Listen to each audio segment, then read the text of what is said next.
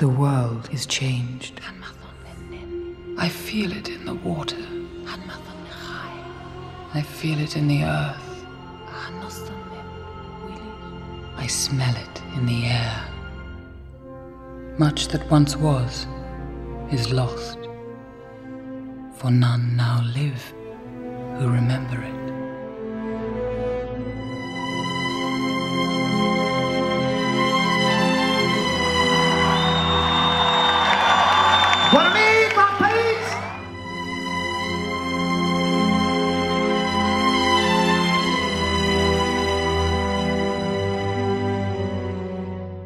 Mike O'Bannon. O sigui, benvinguts, benvingudes, això és Maleïts Malparits, casa vostra, casa de tots. Com sempre, parlant de temes que ens apassionen, temes que ens han donat moltes hores d'alegria.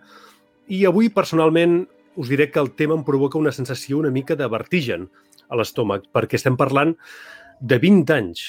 20 anys després de l'estrena del Senyor dels Anells, de la trilogia de Peter Jackson, evidentment als cinemes, avui recordarem el que ens va provocar, les sensacions que vam viure, i com les veiem ara, evidentment, perquè dues dècades es diu aviat. El temps passa volant, volant. No cal ni que us digui que estem parlant de la trilogia, encara ara, més exitosa de la història del cinema i com a nissaga està justament en aquest mena de club d'elit en el qual hi ha James Bond, Harry Potter, Star Wars, el Marvel Cinematic Universe, Star Trek, Batman, Indiana Jones. Fixeu-vos que moltes en tenen o més pel·lícules o simplement fa més anys que hi són. Per tant, és una trilogia, la Tolkien, la de Peter Jackson, que forma part de la cultura popular i que, carai, mm, tenint en compte que farà 20 anys de l'estrena i que el 12 de gener del 2001 s'estrenava el primer tràiler, atenció a aquesta dada, és a dir, al cinema estàvem a punt de veure la primera mostra d'aquest món de la Terra Mitjana de Tolkien.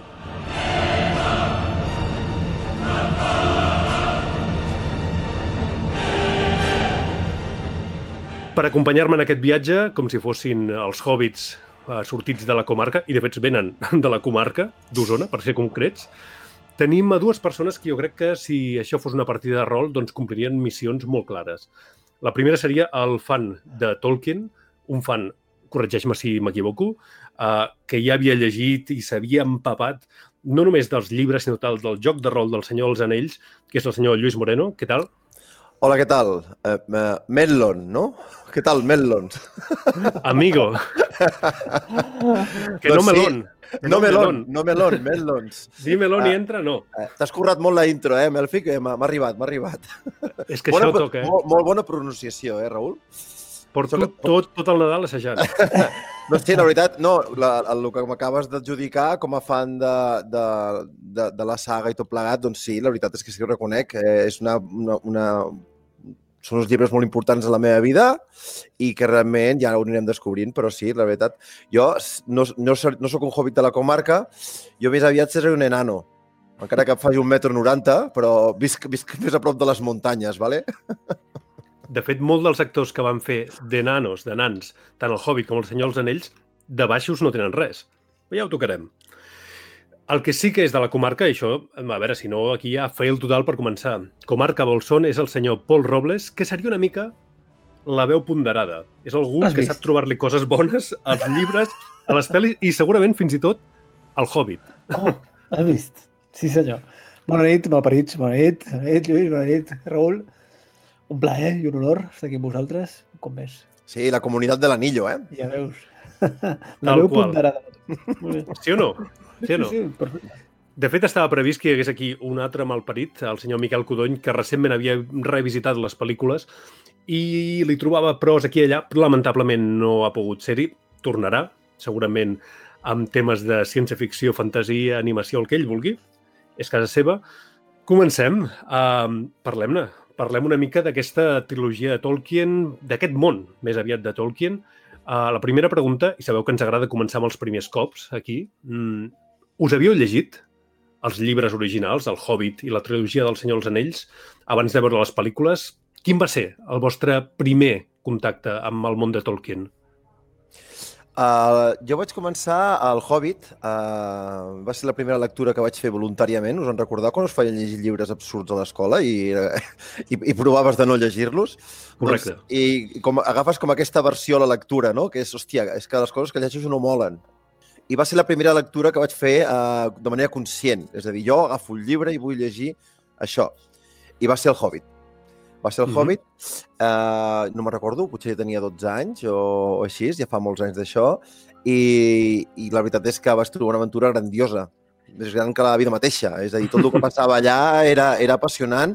El punt fresc dels hobbits, que eren uns personatges que d'entrada eh, eren com ridículs, per dir-ho d'alguna manera, amb aquests peus grans i peluts i tot plegat, doncs les aventures que acaben passant aquesta, el que és el, el, el Hobbit, amb el drac, Bardo, la figura dels cinc exèrcits, comença a ser una aventura super senzilla, que va ser una èpica realment grandiosa i la vaig gaudir mogollon. O sigui, jo vaig entrar en molt del Tolkien eh, amb el Hobbit, com molta gent, suposo.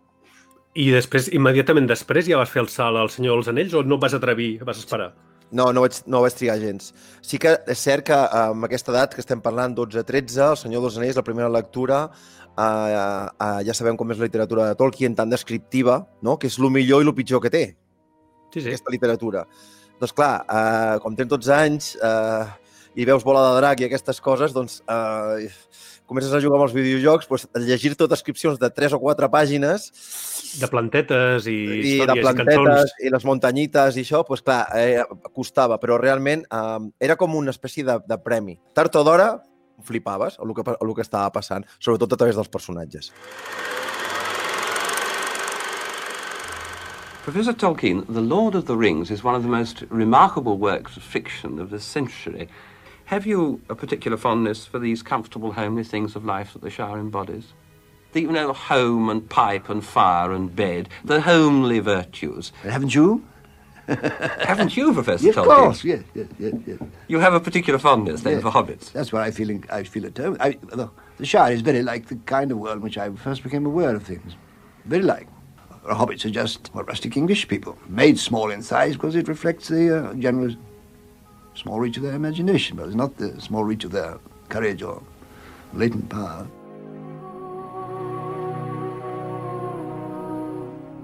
Com va arribar aquest Hobbit i aquest Senyor dels Anells a casa teva? O sigui, va, va arribar per recomanació, estava allà, era... No hi ha res com tenir un tiet que tingui una botiga de còmics i discos. Eh, i... Era discòmic, la botiga? discòmic. Discòmic, exacte, a Vic. Al carrer Manlleu, no? Doncs, sí Sí. senyor, per ell, per ell, dedicat a ell, que ja ha Eh, sortit Alfons, aquesta botiga. Gràcies, Alfons. Pues gràcies, Gràcies. a gràcies a l'Alfons, va, va, que, que el tenia el llibre, i en tenia varis, eh? La, la, un mag de Terra Mar també vaig llegir llavors, em vaig llegir La història interminable, que és Gran, un, gra- un gran. gran llibre. Doncs clar, va ser aquesta, uh, aquest amor per la, fantàst per la literatura fantàstica que suposo que és molt adequat per a aquestes edats que estem parlant, 12, 14, 15... Va clavat, sí senyor, va clavat. I tu, Pol? Jo, uh, jo crec que aquesta va ser la primera novel·la, o sigui, el que em va enganxar a llegir de debò, a llegir novel·les, a llegir amb aquest format de llibres, perquè fins llavors havia llegit sobretot els, els Triar la teva aventura. I jo tenia el Hobbit perquè érem membres del Círculo de Lectores i compràvem llibres regularment i aquell, no sé, a Sant Deguer, doncs, va, doncs aquest, no? Comprarem aquest. I és un llibre que havia intentat llegir algun cop, però no acabava de, de, de passar, no acabava de ficar-m'hi. O sigui, acostumat a com estava a llegir Triar la teva aventura, que era una cosa molt més dinàmica, i vinga, de seguida estaves seleccionant una cosa o altra, doncs, al final, tot i Mm. això, va arribar el moment en què sí, vaig llegir el Hobbit. Quants anys tenies aquí? Com ella, com el Lluís, 12, 13 o abans? Mm, Diria que si fa no fa, sí, estaria per, la, por ahí, diria. I va ser el Hobbit i, eh, eh, tot i que et costava allò entrar una mica, va- et va agradar o no va agradar? vaig O... llegir, com el vaig, eh, m'hi vaig ficar i el vaig acabar, sí que em va agradar, sí. Però no vaig llegir a continuació els dels Anells. O sigui, vaig trobar altres coses. Que, que curiós. Vaig trobar la Dragonlance, vaig trobar altres coses que em connectaven més amb això. Era molt més, en comparació també el que, el que comentava abans en Lluís, no? Era com més dinàmic. Tot era més, passaven més coses, no? Després sí que va arribar el moment de dir, vale, doncs és el moment de llegir El Senyor dels Anells. Per tant, quan em va arribar la versió cinematogràfica sí que coneixia la història. I tu, Raül? Quan vas entrar en contacte amb, aquesta, amb aquest univers? Devia tenir també uns 13 anys. Vaig agafar el llibre del Hobbit a la biblioteca de Tona perquè el vaig trobar per allà per casualitat. No, és, no tenia cap imatge prèvia mental de que això era un mite ni res. Uh, era en català, el vaig llegir en català. I el vaig començar a llegir, era l'estiu, em va agradar molt, però quan portava dos capítols vaig pensar, hòstia, molaria fer un joc de rol d'això. I abans d'acabar-lo vaig improvisar, vaig crear jo el sistema i vaig improvisar no només el, el, el sistema de joc del Hobbit, jo era innocent, no sabia que hi havia un, un joc de rol del Senyor dels Anells en aquell moment, eh? I vaig crear el sistema i, a més a més, clar, quan els jugadors van arribar al punt que jo m'havia llegit, que bàsicament era fins als dos trolls aquells que troba en, en Bilbo i companyia que es tornen de pedra, o els tres, o qui siguin, jo no havia llegit més i vaig im improvisar tota la resta del llibre. de manera que quan ho vaig acabar de llegir vaig dir, hòstia, uh, aquest senyor realment s'ho va currar més que jo. No, I va, jo va anava, a ser- dir, anava a dir el contrari. T'imagines que fos millor? Com va ser una bona partida, almenys, o no? Home, sí, però a veure, sí. és que era molt innocent tot plegat. I immediatament després, justament, amb el nostre amic que no ha pogut venir, en Miquel Codony, i el seu pare, eh, em van dir que llegís l'edició de tres llibres de, de Minotauro, en castellà, dels Senyors Anells, que el pare d'en Miqui tenia anotacions i tot plegat. La vaig agafar a la biblioteca i la vaig devorar un estiu i em va encantar. Tot i que, concordo amb el Lluís, quan arribaven els, les cançonetes dels hobbits i els poemes dels elfs i tot això em cagaven Déu i sa mare, sincerament. Perquè jo el que volia era hòsties com pans i acció i tot plegat. Tot i això, quan vaig arribar al final vaig dir, uau, vaya, quin llibre.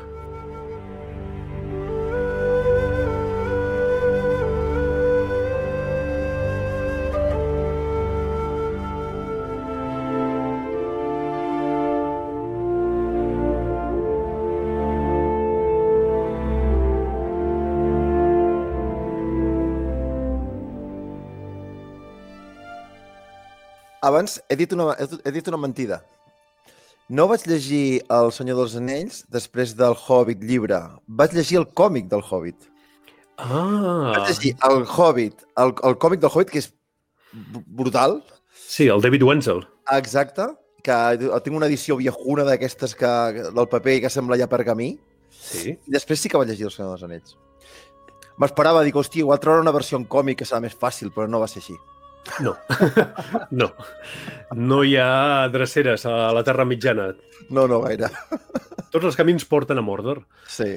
En tot cas, jo pel que veig, més o menys ho vam llegir, curiosament, perquè no n'havíem parlat, fixa't, eh, a la mateixa època, i jo crec que inevitablement uh, us havíeu imaginat en algun moment hòstia, com molaria que d'això en fessin una pel·lícula. Jo crec que sí que en, tots havíem somiat amb això i com es faria i tot plegat. A més a més, eh, nosaltres també jugàvem a rol. Jo havia fet de director de joc de, del Senyor dels Anells, que vaia també complicat. És com si li hagués escrit el mateix puto Tolkien. O sigui, és difícil. Semblava que aquell senyor hagués escrit el joc de rol també, eh? És el joc on podies morir d'un crític només tallant-te les ungles. Necessitaves calculadora per jugar, perquè el- eren astronòmiques les xifres que sortien. Jo me'n recordo que llavors en Pol jugava a la Dungeons i quan vaig fer la meva partida de Dungeons vaig pensar, mare de Déu, no podia haver estat així també, però bueno.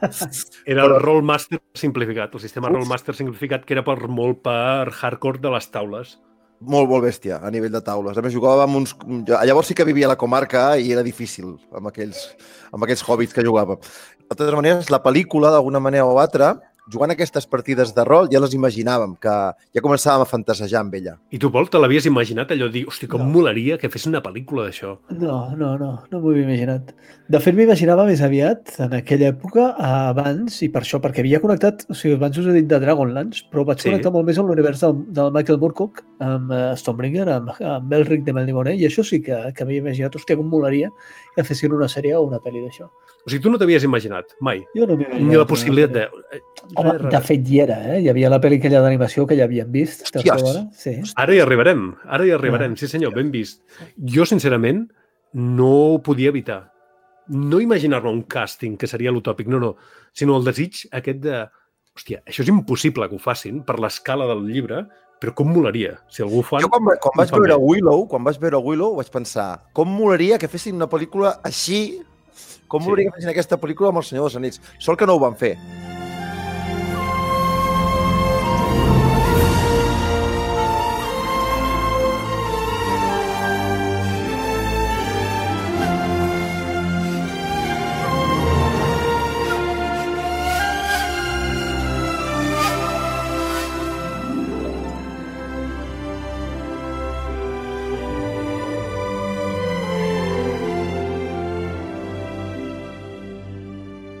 Proposo fer una repassada molt ràpida, eh? perquè segur que hi ha coses que, que no sé si sabeu o no, però que us sorprendrà.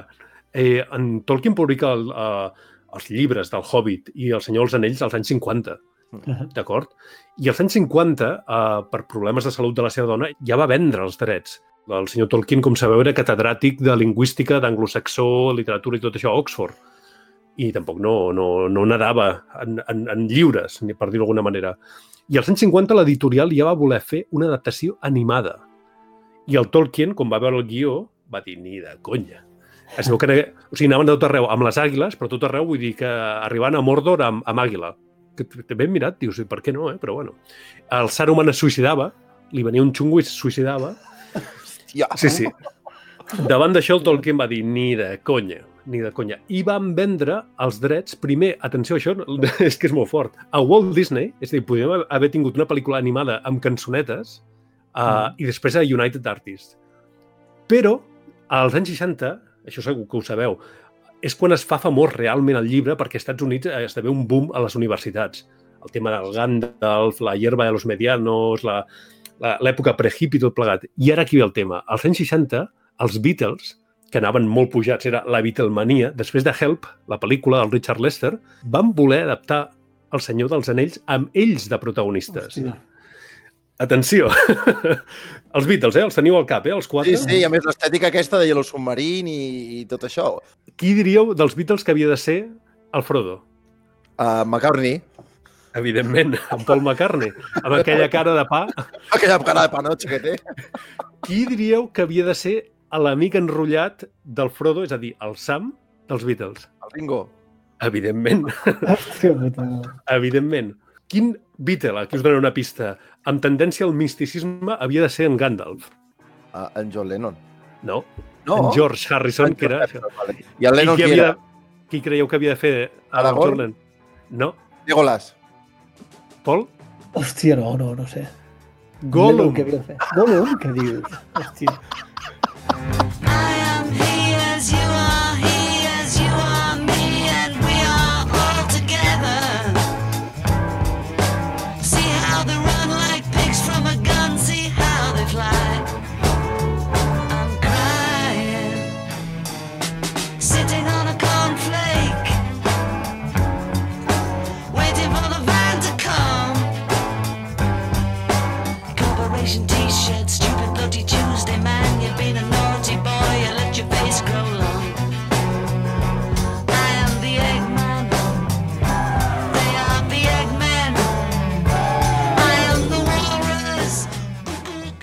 Gollum, Gollum. Gollum és el meu personatge preferit dels llibres. Era lleig, eh, en John Lennon, però no tant. I per què? Per què Gollum? Lennon? perquè li molava a ell. Perquè realment és un dels personatges més, més Sí, sí, polièdrics, de, de, tràgics de tota la nissaga.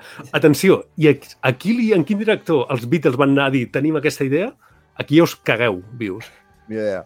Un cert director, que tot i que no era anglès, s'havia gairebé exiliat a Anglaterra, ha fet les, les seves històries i que ja començava a tenir mat, una fama de un tio molt perfeccionista. Stanley Ah, sí? Stanley Kubrick? Kubrick?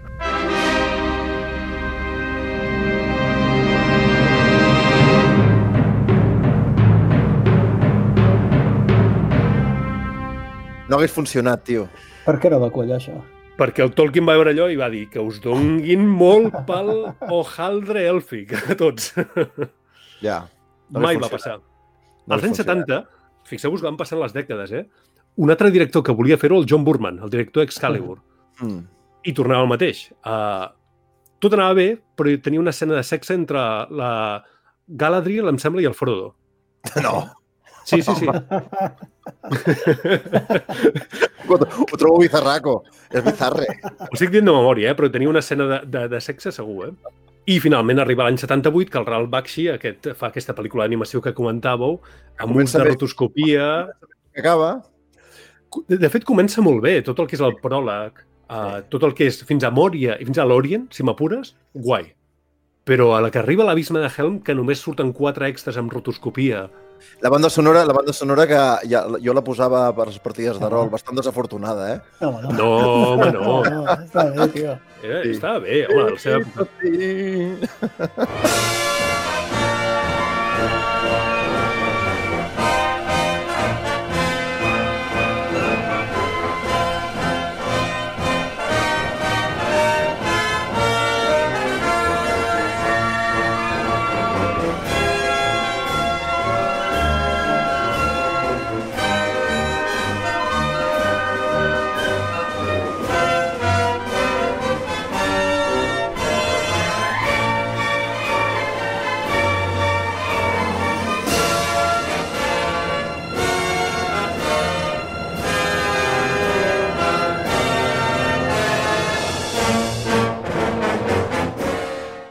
De fet, la pel·li del Peter Jackson té escenes que són molt reminiscents d'aquesta, sobretot el pròleg, l'explicació de l'origen dels anells, veu Sí. molt d'aquesta pel·li, eh? Long ago, in the early years of the Second Age, the great elven smiths forged rings of power. Nine for mortal men, seven for the dwarf lords, three for the tall elf kings. But then the Dark Lord learned the craft of ring making and made the Master Ring, the one ring to rule them all.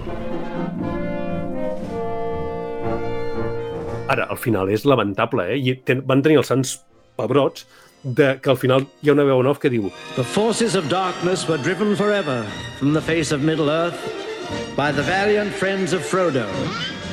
As their gallant battle ended, so too ends the first great tale of the Lord of the Rings. I jo, No com a espectador, pensava, home, no. No Així no s'acaba. No, no volien Tenien intenció de continuar-ho, de fer una pel·lícula basada només en el retorn del rei. La pel·li no va ser un fracàs, eh? ni molt menys. Eh? El que passa que era molt cara tot això. I hi ha una pel·li d'animació molt cutre, tant del Hobbit com del Retorn del Rei, però que són pel·lis infantils, saps allò, aquests dibuixos animats dels anys 80 i 90 molt cutres. Vale. No era una pel·li gairebé experimental, eh? però bueno. Suposo que es deurien trobar una miqueta amb una, que es trobaven tots a nivell de producció una cosa molt gran, molt, molt bestial. Si volien fer-ho tal qual els llibres, que és com ho han fet Peter Jackson. Quan veies les escenes entre els making-ofs i tot plegat, o explicaven com havia fet la pel·lícula, era, anaven, amb, anaven amb un exemplar del Senyor dels Anells a tot arreu. Estava sempre, hi havia un exemplar eh, en tots els sets de rodatge i quan hi havia dubtes i coses d'aquestes deien què diu el llibre? Clar, què diu el llibre, saps? Me recordo que fins i tot, el, el, com es diu el personatge que feia de Sauron? Uh... Ai, de Sauron, de Saruman, de Saruman, perdó. De Christopher Lee, que, que, que deia Sauron, i el tio se- s'emprenyava, diu, on que Sauron? Perquè el Christopher Lee també se l'havia llegit. sí. I qualsevol li diu la contrària a Altra- Marcel Un, Seguí. un home de lletres, tio, per l'amor de Déu. Sí. Senyor Christopher Lee. Uh, la producció aquesta del Peter Jackson comença a, a mitjans dels 90. El Peter Jackson tenia orígens al gore, ja ho sabeu, Mal Gusto, Meet the Feebles, tot això. Ja havia fet Criatures Celestiales i el tio volia fer King Kong.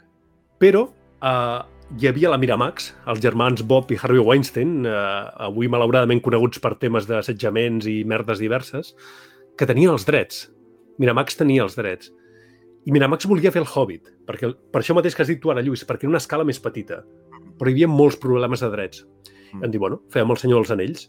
Primer volíem fer dues pel·lícules i el mm, Bob Weinstein, que era també Bob Manos Tijeras, que li deien a la producció, va fins i tot plantar la llavor de fer-ne una només. Imagineu-vos els tres llibres del Senyor dels Anells amb una. No, obviant coses, però...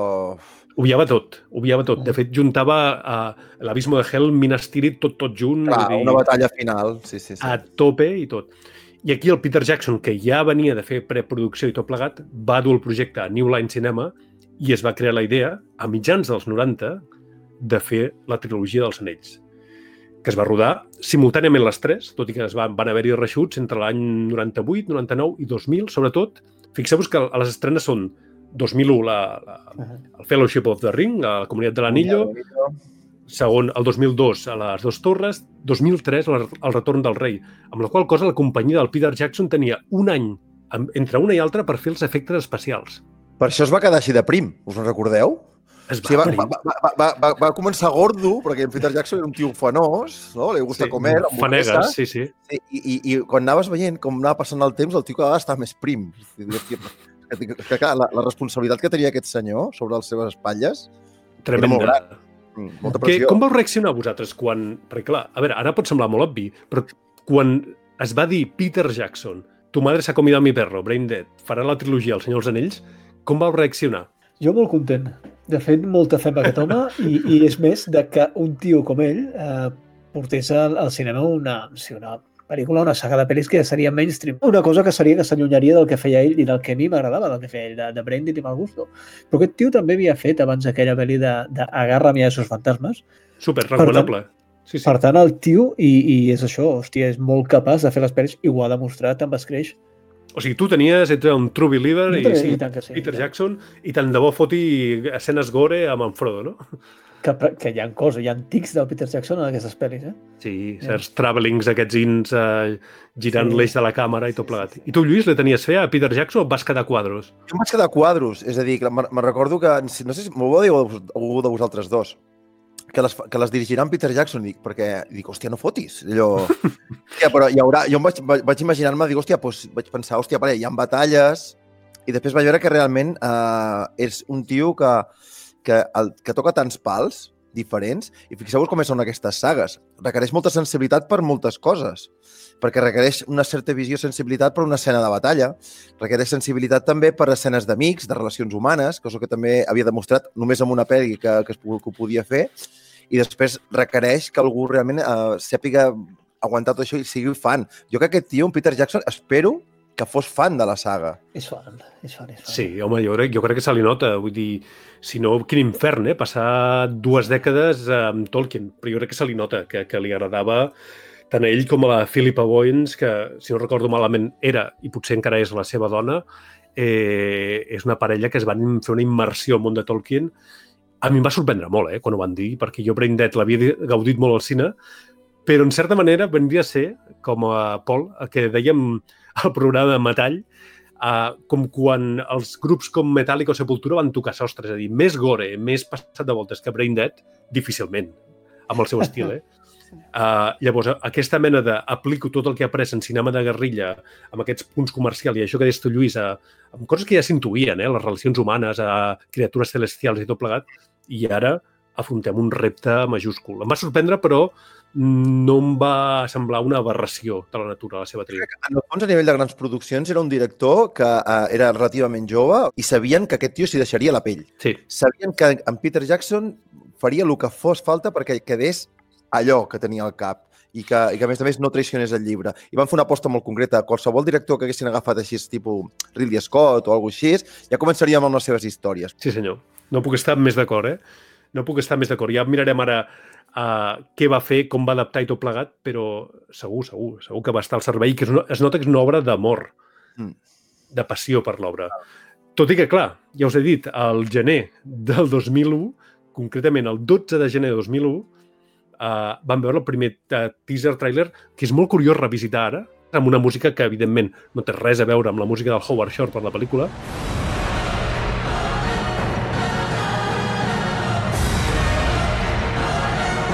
Las próximas Navidades. La historia más extraordinaria jamás contada cobrará vida.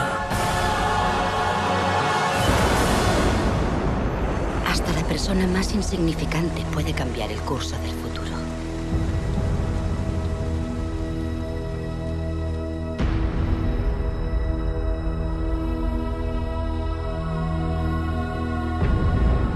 Estàveu nerviosos a mesura que anàvem passant els mesos i s'acostava l'estrena? Tu, senyor Lluís, jo no, eh? és que ho sabia. Tu no, tu ets, bueno, tu ets un home tranquil, un home temperat. Sí. Jo estava, jo estava bueno, nerviós, estava pues, amb moltes ganes. És a dir, jo el tràiler no vaig voler veure-ho. Jo és una cosa que, que, que, que, que, encara, que encara a dia d'avui ho faig. O sigui, veig tràilers de coses que no, que no, estic mort, que no tinc molta, molta il·lusió per veure-les. Vale? Carai. I, i, quan, I quan és una pel·lícula com aquesta, no em cal que em sedueixin amb un tràiler perquè aniria, coge mi puto dinero, quiero ver la pel·lícula, saps? I, i la, ves, la vaig anar a veure. Jo estava pues, realment molt, molt emocionat i no sabia ben bé què anava a veure. Tenia ni idea, no havia vist ni una imatge. Jo sí que vaig veure el tràiler i, hòstia, encara em va pujar més el hype de dir calla, calla, calla, que és que ho hauran fet de debò. I me'n recordo que la productora on treballava en aquell moment jo, Prodimac, veure els primers avançaments del rodatge a Nova Zelanda, dels, dels vilatans disfressats d'orcos per allà corrent, que clar, érem com diaris de rodatge i pensaves, una de dos, això quedarà fantàsticament bé o, o serà una pallassada, perquè clar, amb imatge de càmera digital de l'època. Era molt Sí. curiós. I va arribar el moment, desembre de 2001. Com recordeu l'experiència del primer cop d'anar a veure a la comunitat de l'Anell, Fellowship of the Ring, al cine? Sí, Pol, com va ser això? Va, va comencem, Pol, va. Per mi va Comencem, ser Pol. una experiència molt maca i que va inaugurar també una tradició que aquest any hem trencat per primer cop, crec, amb un amic que, de fet, bàsicament llavors feia temps que no el veia, en Joan Valllobera, de, de l'Hostalet de Balanyà. Jo llavors recordo que no tenia cotxe encara, o sigui, no, no conduïa, sigui, m'havien de portar pels puestos, i sí, vam quedar amb ell per anar a veure aquesta pel·li. I Mhm. em va venir a buscar, vam quedar a Vic, això, bueno, en fi, i, hòstia, va ser flipant. Després recordo també el viatge de tornada, ella acostant-me fins a Manlleu, no, comentant la pel·li tota l'estona, una boira que hi havia de collons, però clar, em van marxar amb la, la, la il·lusió aquesta de que l'any que ve repetiríem, no? Jo no recordo ni amb qui vaig anar. És que vaig quedar tan copsat. Jo, em, haver, va haver un moment, va haver un moment que no me'n recordava que havia de respirar. O sigui, quan, quan hi ha tota l'inició, tota l'escena inicial, allò que notes que dic, hòstia, no he respirat. I després vaig estar, em, em van literalment caure les llàgrimes quan vaig veure entrar el Gandalf. Gandalf, no? No, vaig emocionar, o sigui, vaig dir, hòstia, que bé, que- però emocionada en plan, que bé que ho han fet, collons. Allò bé- de un mà que arriba quan ha d'arribar, que no arriba tard. Sí, això mateix, un mà que arriba quan ha d'arribar, ni tard ni d'hora.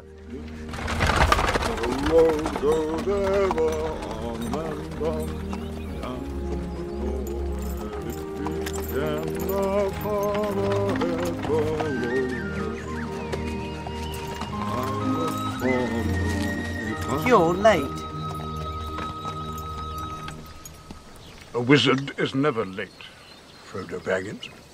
Nor is he early. He arrives precisely when he means to.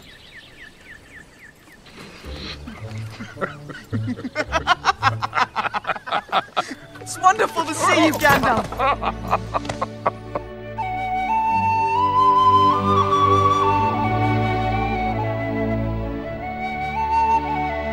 Vaig emocionar per dues coses.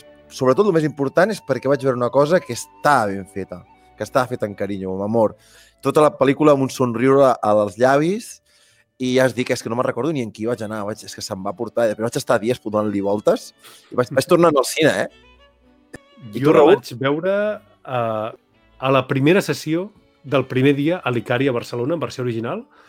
En aquella època no es podien comprar, sí que es podien comprar entrades anticipades, però només eren per certes pel·lis.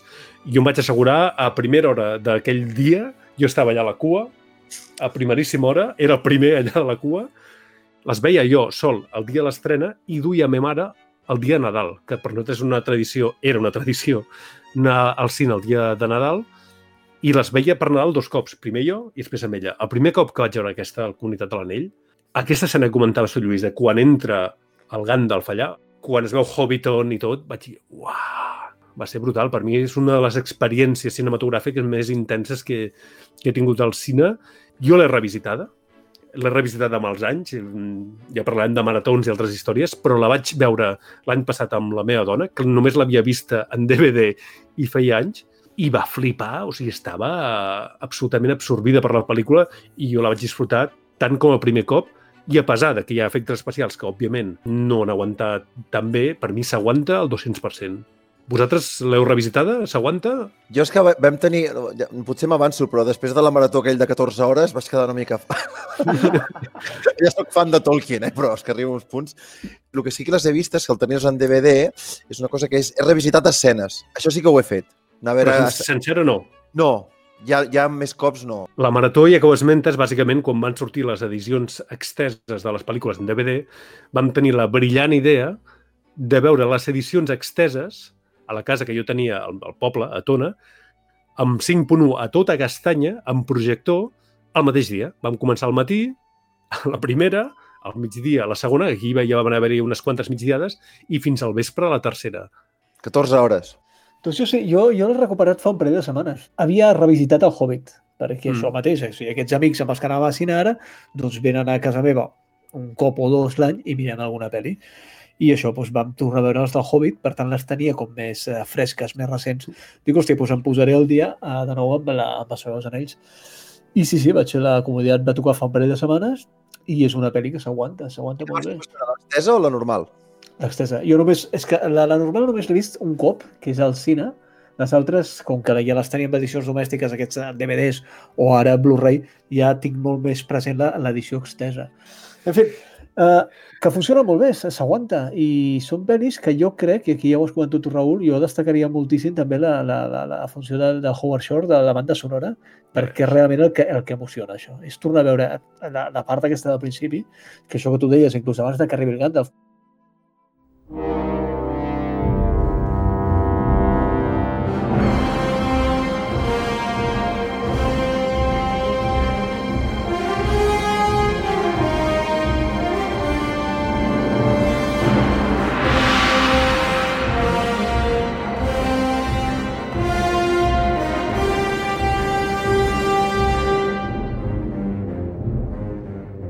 De fet, no sé si ets conscient de que aquest any, com que es complirà l'aniversari i tot plegat, són ben capaços perquè hi ha moltes més escenes eliminades del Senyor dels Anells de les 3.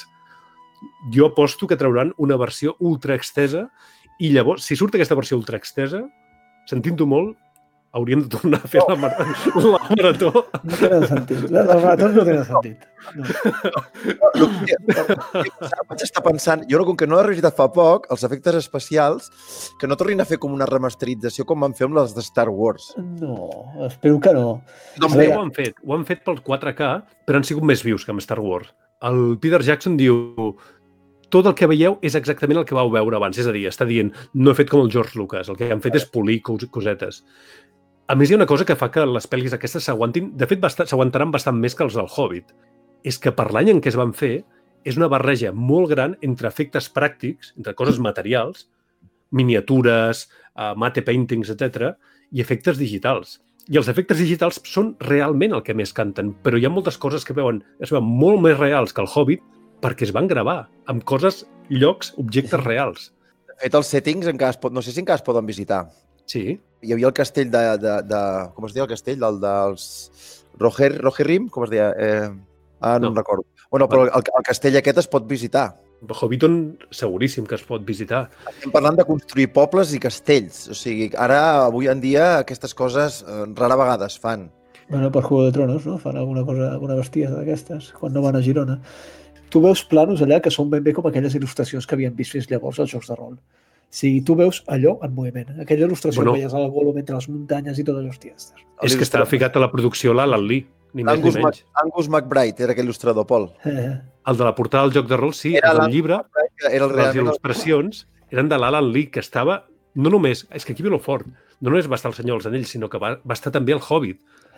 Però fixa't el que fa la tria d'una tècnica a una altra, eh, avui en dia. Hi ha coses que canten, però, però tampoc d'una manera molt bàrbara, que et tregui de la pel·li, eh? I en algun moment concret que dius, vale, potser sí. El Legolas depèn de com es mou. I el càsting, és que ara, entràvem aquí, ara volia entrar aquí.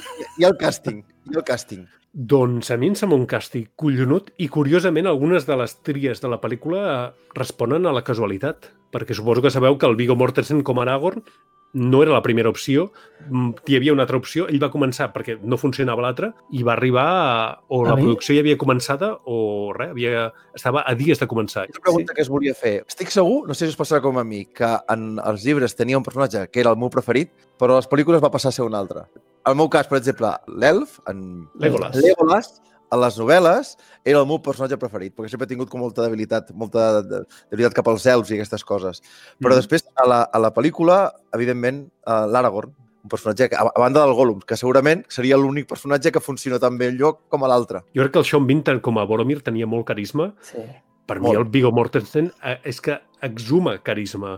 I si, no en recordo l'actor que, que havia de fer d'Aragorn, però si el busqueu, us quedareu allò en plan mora meva, sort que no ho van fer, eh? Why not use this ring? Long has my father, the steward of Gondor, kept the forces of Mordor at bay. By the blood of our people are your lands kept safe. Give Gondor the weapon of the enemy. Let us use it against him. You cannot wield it. None of us can. The One Ring answers to Sauron alone. It has no other master. And what would a ranger know of this matter? This is no mere ranger. He is Aragorn, son of Arathorn. You owe him your allegiance. Però els hobbits estan, per exemple, tots de, fantàsticament bé. I el Gandalf, Liam McKellen... Sí, sí, sí. sí. Brutal, brutal. Christopher Lee Saruman és que dius, ole, ole, ole, ole. I la, la, Liam Holm fent de, de Bilbo, sí. encara diu un paperet. Quin era el teu? A, a mi això, el Legolas no era el meu preferit a les novel·les, eh? No, ni No, era- molt menys. El meu. El teu, Raül. Uh, quin, és que jo veia més aviat, possiblement, el Gandalf, eh? perquè em molava molt el seu arc de personatge. El Peter Jackson va ser molt hàbil, que és uh, convertir la història en la història gairebé del Frodo. Els llibres és més coral, és més coral en quan estructura el llibre i tot plegat. Possiblement el Gandalf, sí. Hold out your hand, Frodo. It's quite cool. Can you see anything? Nothing. There's nothing. Wait. It's some form of Elvish. I can't read it. There are few who can. The language is that of Mordor, which I will not utter here. Mordor. In the common tongue, it says one ring to rule them all, one ring to find them, one ring to bring them all, and in the darkness find them.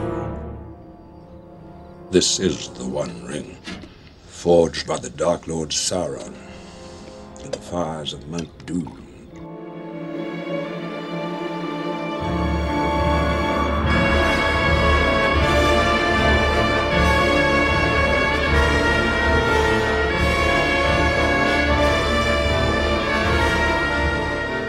I tu? Jo et diria que l'Aragorn. Aragorn perquè és això, i el tio tu veus que s'ho creu, fot un personatge amb una noblesa, que, hòstia, és, és, és, és ell.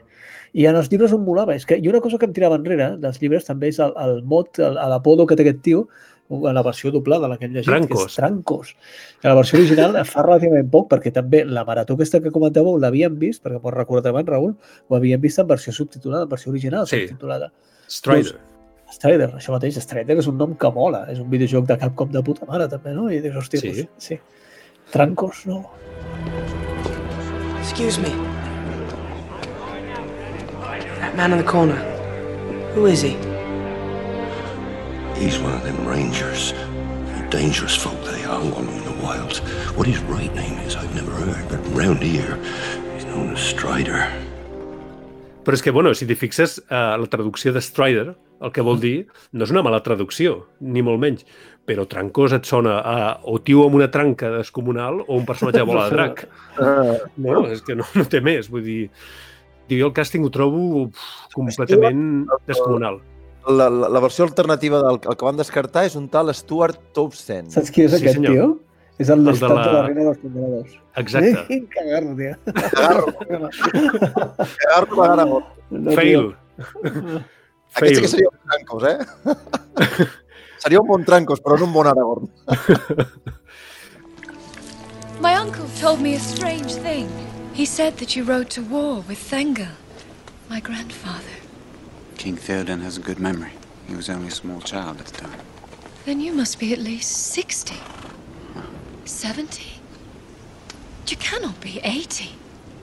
87. You are one of the Dunedain. A descendant of Numenor, blessed with long life.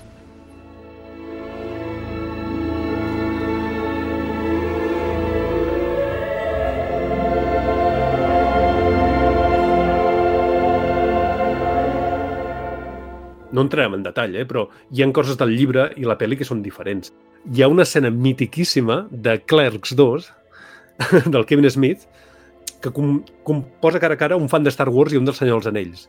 I bàsicament el, de, el fan de, de Star Wars, que és el depenent, el clerk, li diu Ya está bien, cretino. Solo hay un retorno, ¿vale? Y no es de un rey, es el retorno del Jedi. Ah, un pirado de Star Wars. Solo hay una trilogía, capullos descerebrados. ¿Sabes? Quizá habría que llamar a tu amiga Padme. Por lo mucho que ama a Marioneta Skywalker, ¿no crees? Peligro, peligro. Mi nombre es Anakin. Mi asquerosa interpretación destrozar saga. Sí, estás loco, Jar Jar. ¿Que yo estoy loco? Esas pelis de Hobbit sí que eran un auténtico coñazo. Solo tratan de un montón de gente andando. Tres pelis sobre personas andando hacia un puto volcán. Resulta que hasta los árboles andaban en esas pelis. trobo que és un gag molt, molt divertit de la peli, però fixeu-vos que en el fons el que fa el Peter Jackson és exactament això. De totes les possibles estructures narratives de la pel·lícula, ho converteix, amb tots els matisos que li vulguem donar, a la història del Frodo i els hobbits, però sobretot el Frodo. I elimina coses com el Tom Bombadil, la companyia gris, recordeu? Per convertir-ho en la història del Frodo.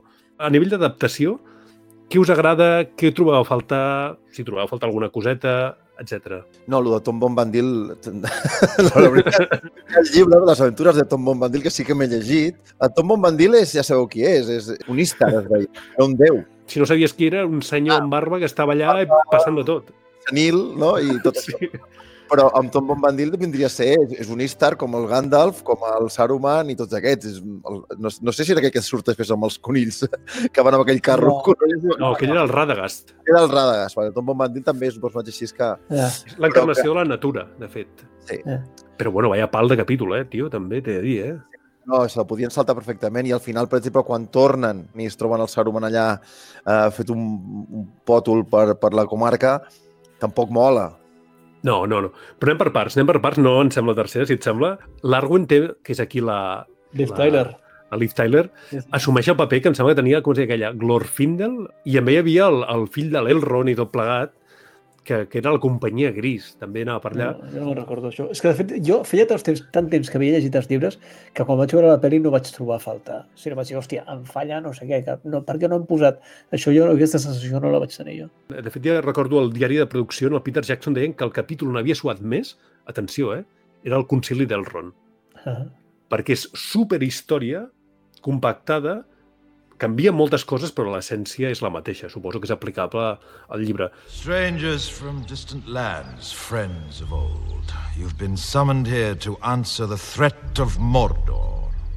Middle-earth stands upon the brink of destruction. None can escape it. You will unite or you will fall.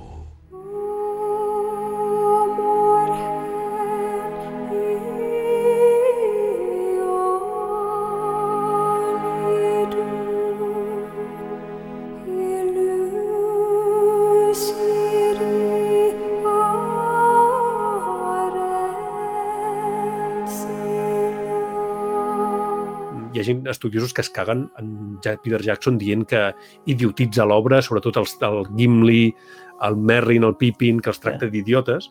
Jo no estic molt d'acord, és una adaptació, però també hi havia un altre estudiós que deia és que si s'hagués de fer exactament com ho va escriure Tolkien, la trilogia derivaria en 40 hores de pel·li. Jo l'únic que podria, podria queixar-me és l'adaptació es va fer justament del Legolas. Uh, van creure, suposo, i es veia molta mà de producció aquí. Necessitem Mhm. una nova que sigui un surfer i que, i que agradi als nens i van convertir el Legolas, que és un personatge, un personatge savi, tot plegat, el van convertir en una espècie de surfer descerebrado, que és on, on em va fallar molt el personatge, perquè el Legolas sumava molt, tenia aquell aspecte com de nen, però tenia una sabidoria molt gran, i allà no, sabidoria no gaire, eh? No, i a la segona, ja arribarem, fa de surfer a, Sí, a, sí. la, a la batalla a l'abisme. A mi em va cantar una mica els hobbits, eh? És a dir, el Sam i el Frodo no. El Merry i el, i el Pippin eh, eren com una mena de Steve Urkels a la Tierra Media, eh? O sigui, estaven allà per cagar-la i liar-la, eh? I no són ben bé això els llibres, eh? Una mica, però no tant. Però aquí, com a contrapunt còmic, funcionen molt bé, tant l'un com l'altre. I són la parella com així de... Sí, van a liar-la. Frodo! Mary, it's Frodo Baggins! Hello, Frodo! Get off him! Frodo, what's the meaning of this? Hold easy. You've been in the former maggot's crop!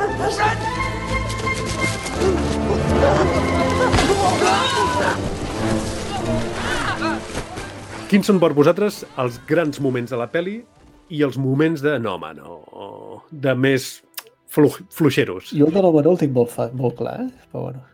Sí, Com, com? Sí, coincidim. Per mi, el moment aquell de dir, hòstia, no. Inclús també vaig patir-ho aquí fa, fa aquestes dues setmanes, eh? A veure si és el mateix, sí. La tentació de la Galadriel. I tant.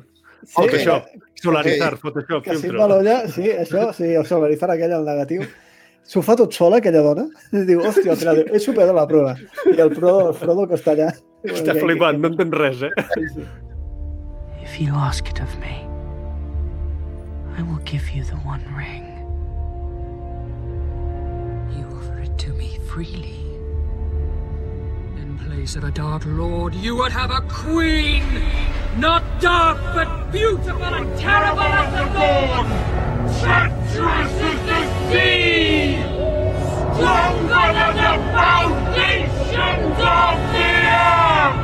All shall love me and despair!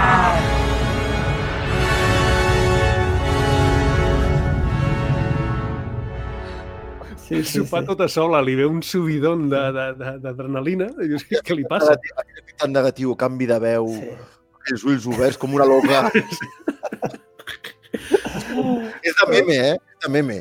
Sí, sí, sí. sí, sí. Estem tots tres d'acord. A mi el cine ja em va cantar, eh? Sí. No, jo no, perquè estava flipant. Uh! Jo ser després. Sí, jo també, jo també. Me'n vaig adonar després de que no, de que no volava gaire. Vale, això és el moment fluixeres. Però el moment, el hit o els dos o tres hits de la pel·lícula, sense entrar molt en detall, allò, quins serien per vosaltres? Costa, eh, seleccionar-ne dos. Diria dos. Diria quan, quan el Gandalf entra, que acabo d'explicar fa un moment, i, el, Sí. i tota l'escena de, bueno, i tota l'escena del concilio del concilio de Elrond, quan el diu, jo lo llevaré, Cuenta con mi hacha. con mi hacha, i després, una tercera, és la mort de Boromir, brutal.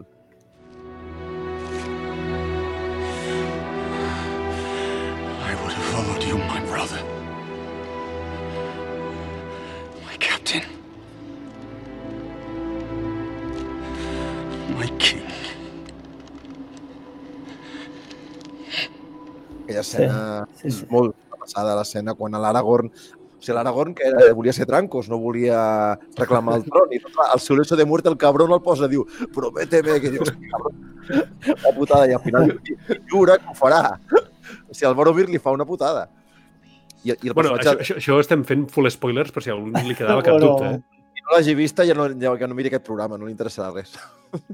I tu, Pol, quins són els teus hits? Jo els teus- diria, diria que al principi, sobretot, i per això, eh, després d'aquest revisionat, és, és ficar-te allà, i sobretot després d'aquest pròleg que deia, aquest Concerning Hobbits, aquest d'ensenyar-te la, la, la Shire, la, la comarca, aquesta part. Jo crec que això és el que ja dius, vale, comencem aquí. De fet, s'acaba el tercer volum, la, el retorn del rei, s'acaba d'una manera molt semblant, o sigui, queda tot un cicle molt, molt ben tacat, molt rodó, i jo et diria que aquest.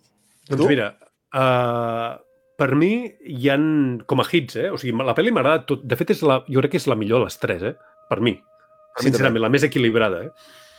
Com a moments així estel·lars, jo us diria els hobbits al camí, quan venen els genets i s'han de ficar a sota del camí, Sí. que a més a més és la primeríssima escena que es va, va rodar de, la, de les tres pel·lícules, ni més ni menys, aquella. I think we should get off the road.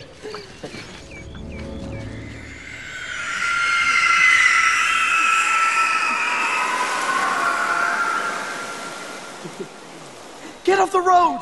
Quick!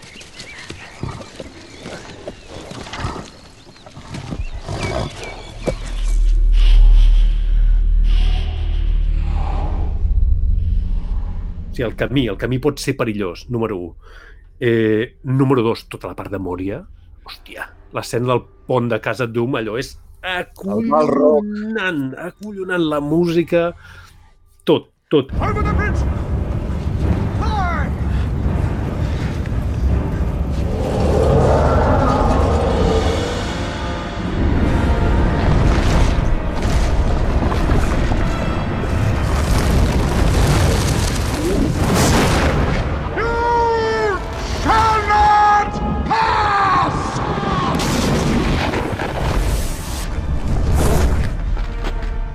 De fet, l'escena aquella que surten corrents és la primera que van passar de mostra per aco- aconseguir finançament, em sembla, als mercats internacionals.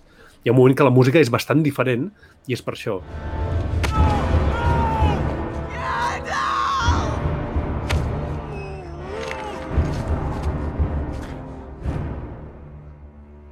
Fly, you fools!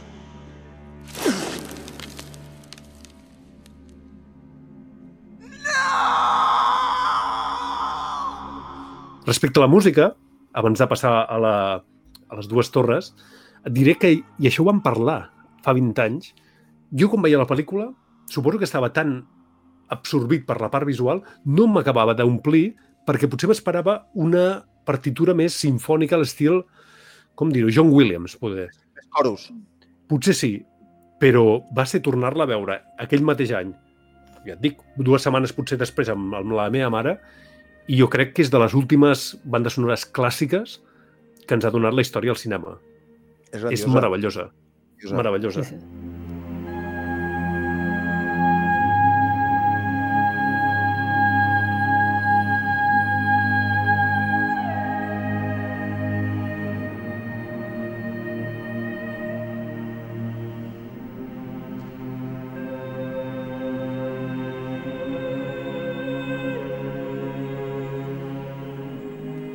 Pot ser molt gran, és a dir, pot ser molt gran, o sigui, tota la banda sonora, i pot ser molt petita, molt petita. O sigui, es, po- es pot dedicar a una escena molt concreta dels mm. hobbits, una tendresa, pot ser suau, pot ser amiga, i després pot ser d'una èpica grandiosa. Realment està molt ben portada. Brutal. És un clàssic, és un clàssic modern.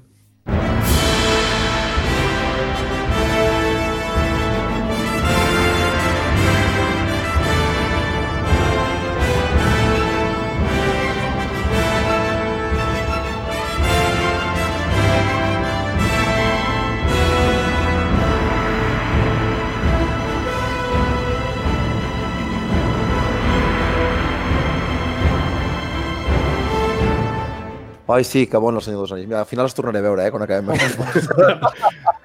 Espera't a la versió ultra extesa que segur que surt per fer la marató.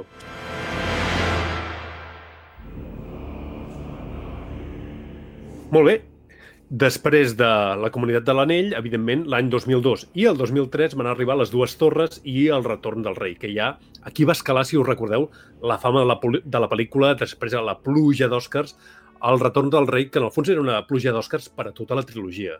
Aquest ritual que comentava en Pol, arribava el Nadal i jo, com ja us he comentat, el primer dia, a la primera sessió licària, allà estava jo, esperant els de la guixeta ja em devien mirar en plan, hòstia... Un Ja està aquí el friqui, ja està el friqui aquest. Torna'm amb la teva mare o què, Raül? Sí, sí. La tornaràs a veure, sí, sí. Com recordeu la reacció visceral d'anar al cine a veure la segona i la tercera? Jo el que recordo és que en el meu entorn eh, ja El Senyor dels Anells havia passat una mica com ha passat amb Marvel l'altre dia que ho parlàvem als programes. Ja de sobte eh, és una cosa que pertanyia a molta més gent. Mm -hmm. És a dir, ja no eren, ja no era un, un públic dels friquis i tot plegat.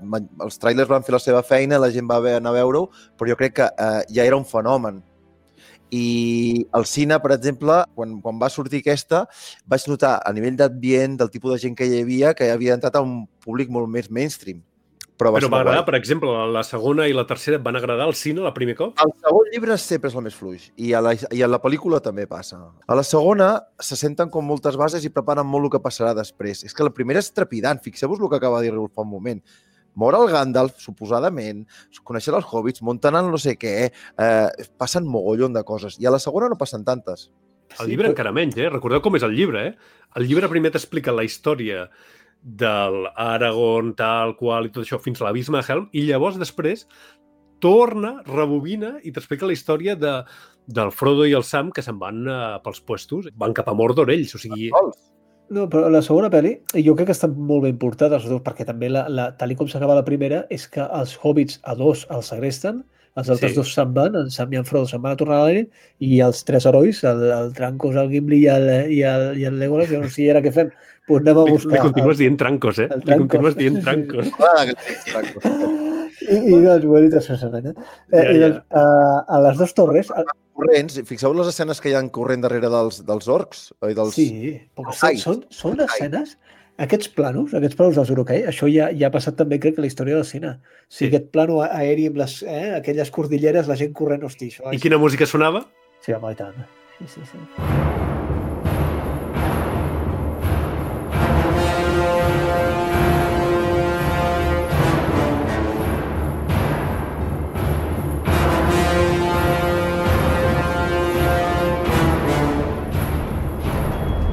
Know how the orcs first came into being? They were elves once. Taken by the dark powers, tortured and mutilated. A ruined and terrible form of life. Now, perfected by fighting Uruk-hai.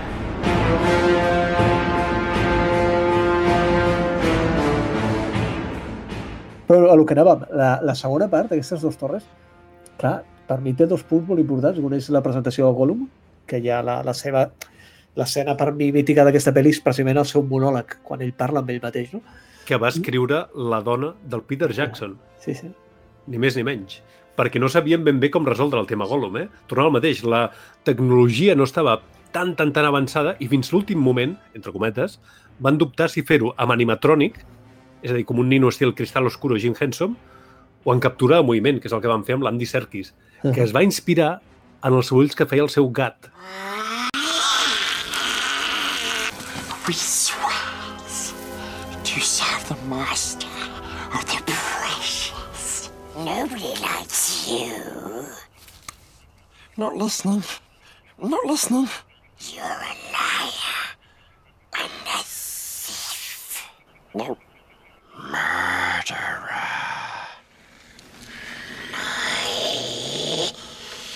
My precious.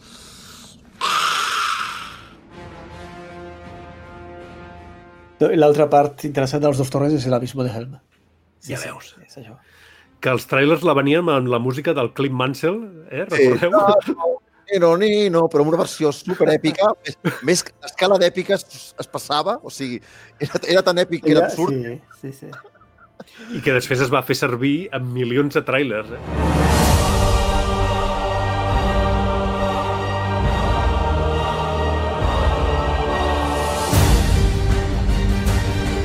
There will be no dawn for men. It's the ring. Frodo! It's taken hold of you. You have the gift of foresight. Tell me what you have seen. He is not coming back. The defenses have to hold. They will hold. There is nothing for you here, only death. There is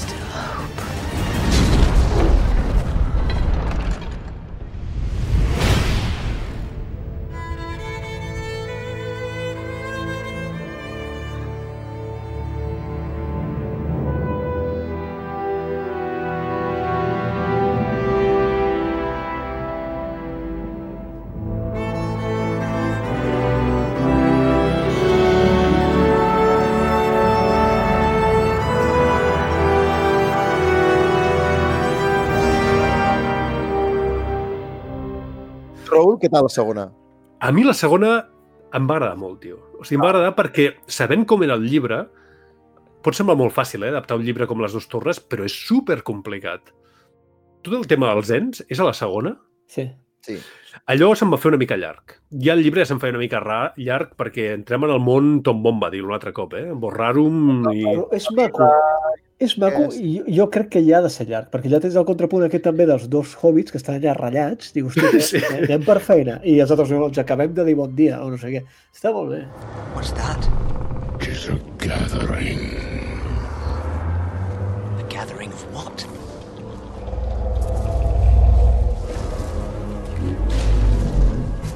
Now we must decide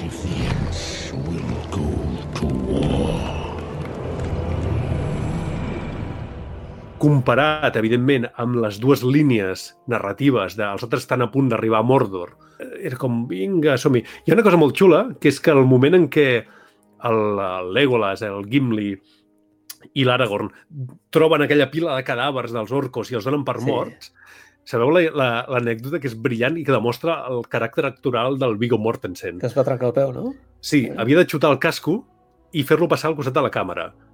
I que, vinga, xuta, anava repetint, xuta, no, no, més, va.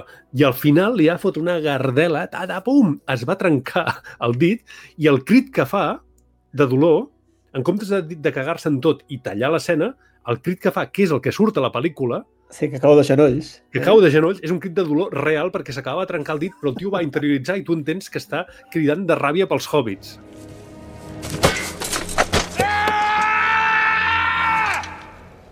S'ha trencat un dit. Sí, sí, sí. I s'estava cagant en en Peter Jackson per dins, però el tio aguantant com un, com un valent allà. Sí, Diuen senyor. que el tio aquest, el, el Mortensen aquest anava amb la roba de Montaraz i si se li esgarrava alguna cosa, si li queia un botó o el que sigui, el tio s'ho reparava com hauria fet a l'Aragorn real, eh? Clar que sí. el tio es ficava en el paper d'aquesta manera, és l'home de l'Ariadna Gil. Sol. Els altres estaven tots, quan, anava, quan acabàvem de filmar una escena que anàvem tots allà a fer unes birres i celebrar-ho, el Vigo no, se n'anava allà a pescar, Sí, sí, sí. ja no volia pas... S'estava ficat, eh? Ja et dic, jo la segona m'agrada. Sí que entenc que, que podria ser com la, la baula més dèbil de la cadena, però és que la lluita final a l'abisme de Helm, atenció, eh? Vull dir, atenció. És millor la lluita a l'abisme de Helm que la de Minas Tirith, eh? Per mi sí. És que la- l'abisme de Helm és, és que és, és grandiosa el que passa. El que sí que van fer trampes, en aquí, no van respectar el, la història, us en recordeu? Els Venen els, els elfs a ajudar-los, que això no va passar pas. Es van I- deixar que... El llibre... de- de- de- D'elf estirat, que sembla que porta un pal d'escombra pel cul. Sabeu planet per ser un elfos, eh? I sí, sí, sí, no, no, aquest gaire, gaire exercici no feia.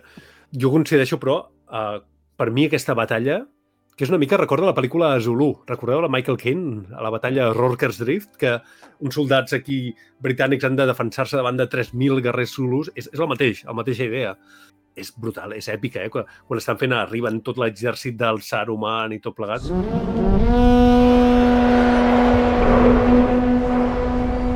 A new power is rising. Victory is at hand!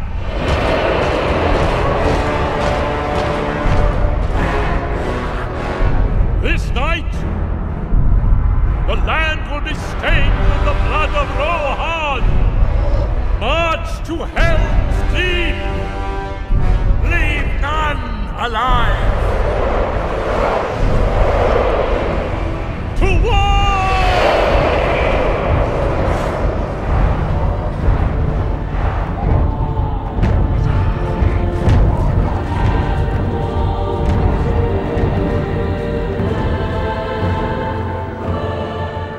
Per mi és aquest el, el gran moment, a pesar del que comentaves tu abans, Lluís, d'aquesta afegit, suposadament eh, còmic, del queda- Gimli i el Legolas comptant i fent surf allà al mig que dius, però per què, Peter? Final count 42. 42? Oh, that's not bad for a pointy-eared elvish princeling. I myself am sitting pretty on 43. 43. He was already dead. Per què Peter Bueno, Jackson? Per què vas jo fer això? suposo que aquí, eh, o una, una de dos, o és el factor aquest Peter Jackson, que jo el trobo més en A aquests la moments novel·la que... eh? A la novel·la. Comptaven, sí, però és la manera en com ensenyes això i la manera en què es mou el Legolas, que l'igual és cosa de producció, com deies tu abans, Lluís. Eh? Hi ha una part també bastant, entre cometes, ridícula aquí, bueno, és, és aquesta en què, en què l'Aragorn i el Gimli van per darrere i es foten que Sí. el, el, sí, l'Aragorn ha d'empènyer, el Gimli l'ha de fer volar per Sí. atacar per la rereguarda en els Urukais. És una mica... Sí, una mica... Aquí en, en Peter Jackson es va lluir, eh? Aquí sí que era el seu terreny. Fan por. Sí, por. O sigui, són, els- són inf infernals, sí, sí, com criatures de l'Avern. Les tens aquelles pútrides... Molt el deixament d'ells, que surten de sota terra amb una mena de placenta, que s'estripen, els hi marquen la mà blanca. És que la mà blanca també, el, la idea aquesta de, vale, tu t'ho imagines aquell estàndard amb una mà, però quan veus que se la marquen ells a la cara és brutal. What is it? What do you smell? Man flesh. They picked up our trail. Saruman will have his prize. We will deliver them.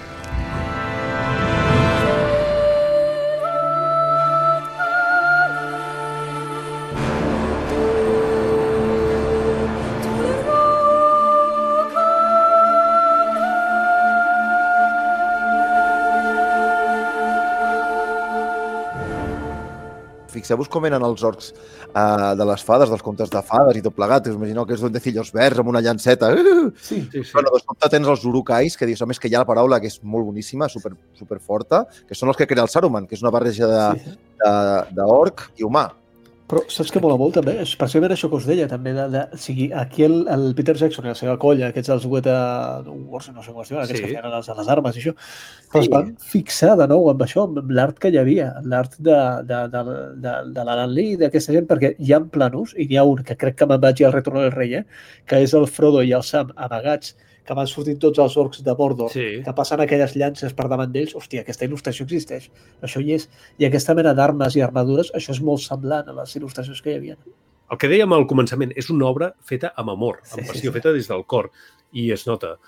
Mm, no estic ben bé d'acord de que sigui la, la part més fluixa, perquè jo crec que a mi, sincerament, la part que se'm fa més feixuga és sub, el final, rere final, rere final de la tercera. I sort que no van fer allò que comentava al principi de uh, la neteja de la comarca que surten el Saruman fent el pinxo al llibre. Però Saruman, Aquí- Saruman aquí les pel·lis el deixen empalat. O sigui, al principi del Retorno del Rei, una mort molt Dràcula. Molt... M'agrada Eh. molt també el paper de Brad Dourif. El Grima ja em molava també el llibre. Sí, senyor. Grima, Oh, lengua de serpiente. Sí, sí. Brutal. I, no, la tercera, a veure, tota la, la part de Minas Tirith, l'arribada a Minas Tirith, és la majestuositat de Minas Tirith.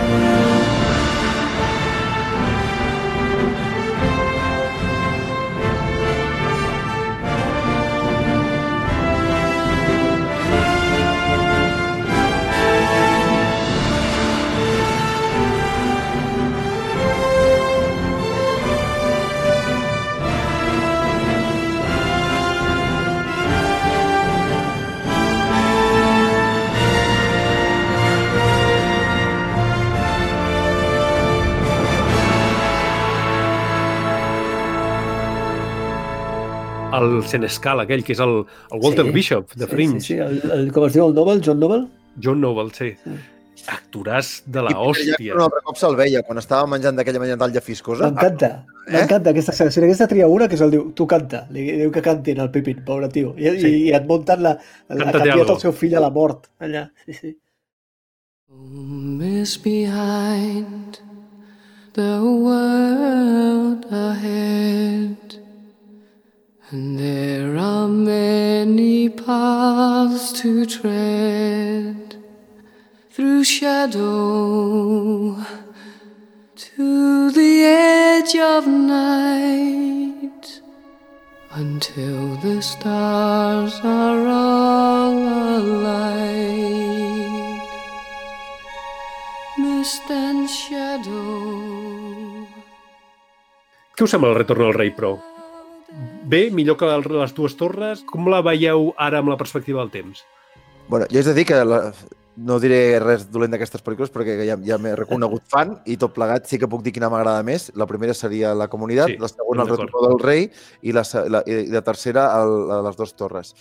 El Retorno del Rei per mi eh, té coses que m'agraden molt i Mhm. coses que no m'agraden gens. O sigui, és, és, és l'única escena on hi ha una cosa que no m'agrada gens, que és quan arriba espècie l'Aragorn al final amb aquella espècie de fantasmes Sí. Els morts. Sí.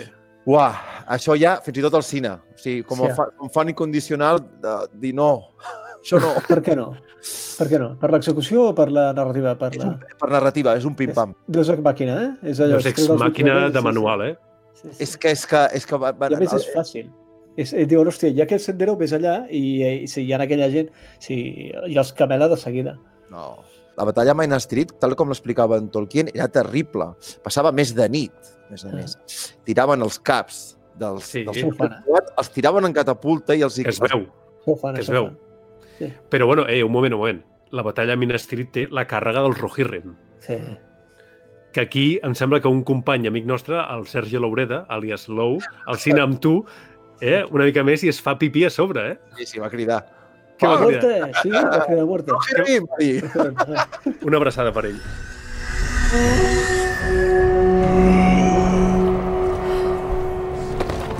Arise! Arise, riders of Theoden! Spears shall be shaken! Shields shall be splintered! A sword day! A red day! And the sun rises!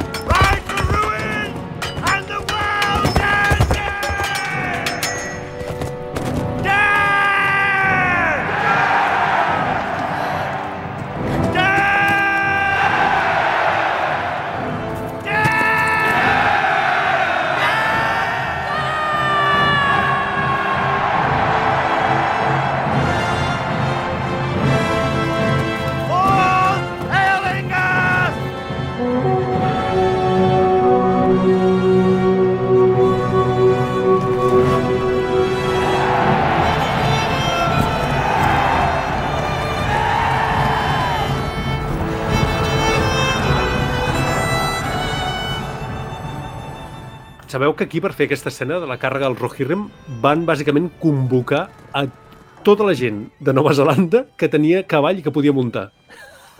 Literalment, eh? Oh. O sigui, tothom que tingués cavall i que sapigués anar a cavall a Nova Zelanda, veniu. Vinga. Cavallar, a carregar. Després de la càrrega al Rohirrim, el, tota aquella, el, el déu bruixot, aquell que no el pot matar cap home i el mata. Això està molt bé. Està Ara, molt bé. brutal, brutal, no? No man can kill me. Die now. I am no man.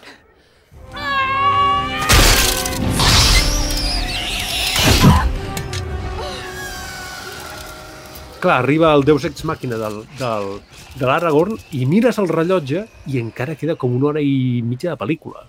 Encara falta ella l'aranya, que, el, que, el, que el Frodo el, segre, el segresten aquells orcos... Però ja és el que deies tu, o sigui, és la història del Frodo. I el que està allà. I un cop s'acaba aquesta batalla, diuen, hòstia, i ara què fem? Dius, què fem? Pues anirem allà a les portes de Mordor perquè no es fixen amb en Frodo. I això està bé també, perquè et justifiquen. A mi se'm fa molt llarg, sincerament. A mi se'm fa, a partir d'aquí fins al final, possiblement, és que és una pel·lícula que és molt... Ja, el llibre és així, eh? És molt arrítmica, la tercera. Per això, a mi, fins i tot, m'agrada com a conclusió, i segurament, com el Lluís coincideixo, la fico un pèl per sobre de la segona, Mm. però em sembla que la, la segona té més ben trobat el clímax, però és que aquí és... Arriba un clímax, però continua, i continua, És i més variada. continua. És variada. O sigui, la, la segona es centra molt en, en, en dos o tres escenes concretes, que és la persecució, la, la batalla, sí. i, la ter, i, la ter, i la tercera, el retorn del rei, és més variada. És més variada i, conclu, i conclueix. I, i, i, passen com més coses més, més diverses i que fan que s'assembli una mica més a la, a la comunitat de l'Anillo, que per exemple s'atrapen molt bé. El que passa que jo quan estaven ja a dalt al Monte del Destino i el Sam li diu les fresitas de la comarca i tot això, la música i tot això, i dius, hòstia, és que tu creus. I el pobre Sam, quan li diu, vale, jo no Fuera. podré portar l'anell per poder portar tu. I se'l carrega a coll i puja cap amunt. Això està de puta mare, tio. Total. Això és èpic, és com la novel·la. Sí, sí, sí. Once and for all. Come on, Mr. Frodo. I can't carry it for you. But I can carry you. Come on!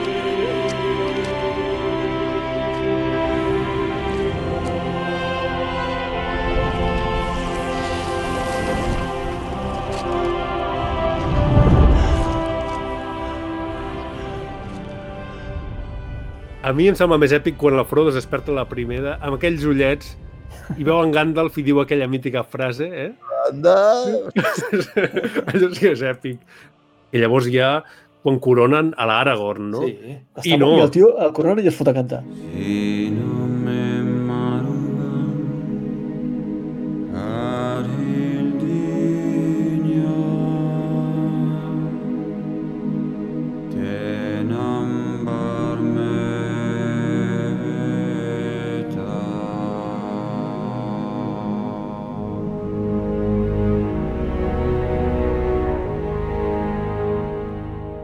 M'agrada molt. Sí, clar, i tota la gent s'inclina davant d'ell. I els hobbits van i s'inclinen i diuen, no, tios, no, vosaltres no. I s'inclinen tots davant dels hobbits. com que ja són baixets, no cal que s'inclinin. Ah, és igual, no, no, no, no. My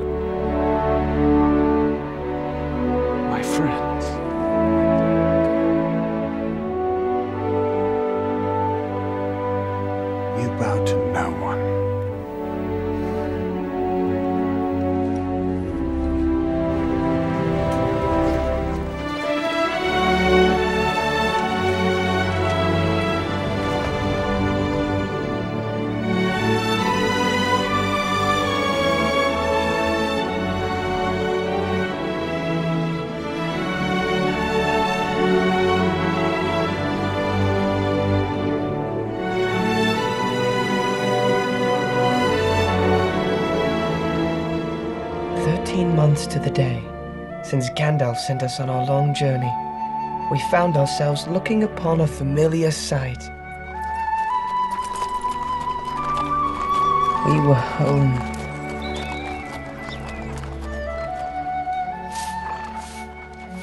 El sacrifici que se'ls demana a aquests petits aquestes criatures és brutal. O sigui, És el- brutal. El, el tio al presentar el, el Frodo queda torturat. Clar, i quan tornen tots a la comarca, Queda pillat, queda pillat. Ah. que tots han tornat canviat, que hi ha aquell plano, que hi ha el mateix tio que està escombrant el jardí, que res ha canviat a la comarca, però ells sí. I venen Clar. amb vestimentes diferents i tot això. Però el Frodo està, sí. Que el Frodo Està també els hi, fot un, els hi fot un cuit quan estan als Puertos Grises. Puertos Grises, que hi ha una esceneta que veu uns enanitos, que així, que és l'única que... aquí canta una mica, també. Aquí ho veure, eh? El, Que el contraplano, que són d'esquena, que són... Sí.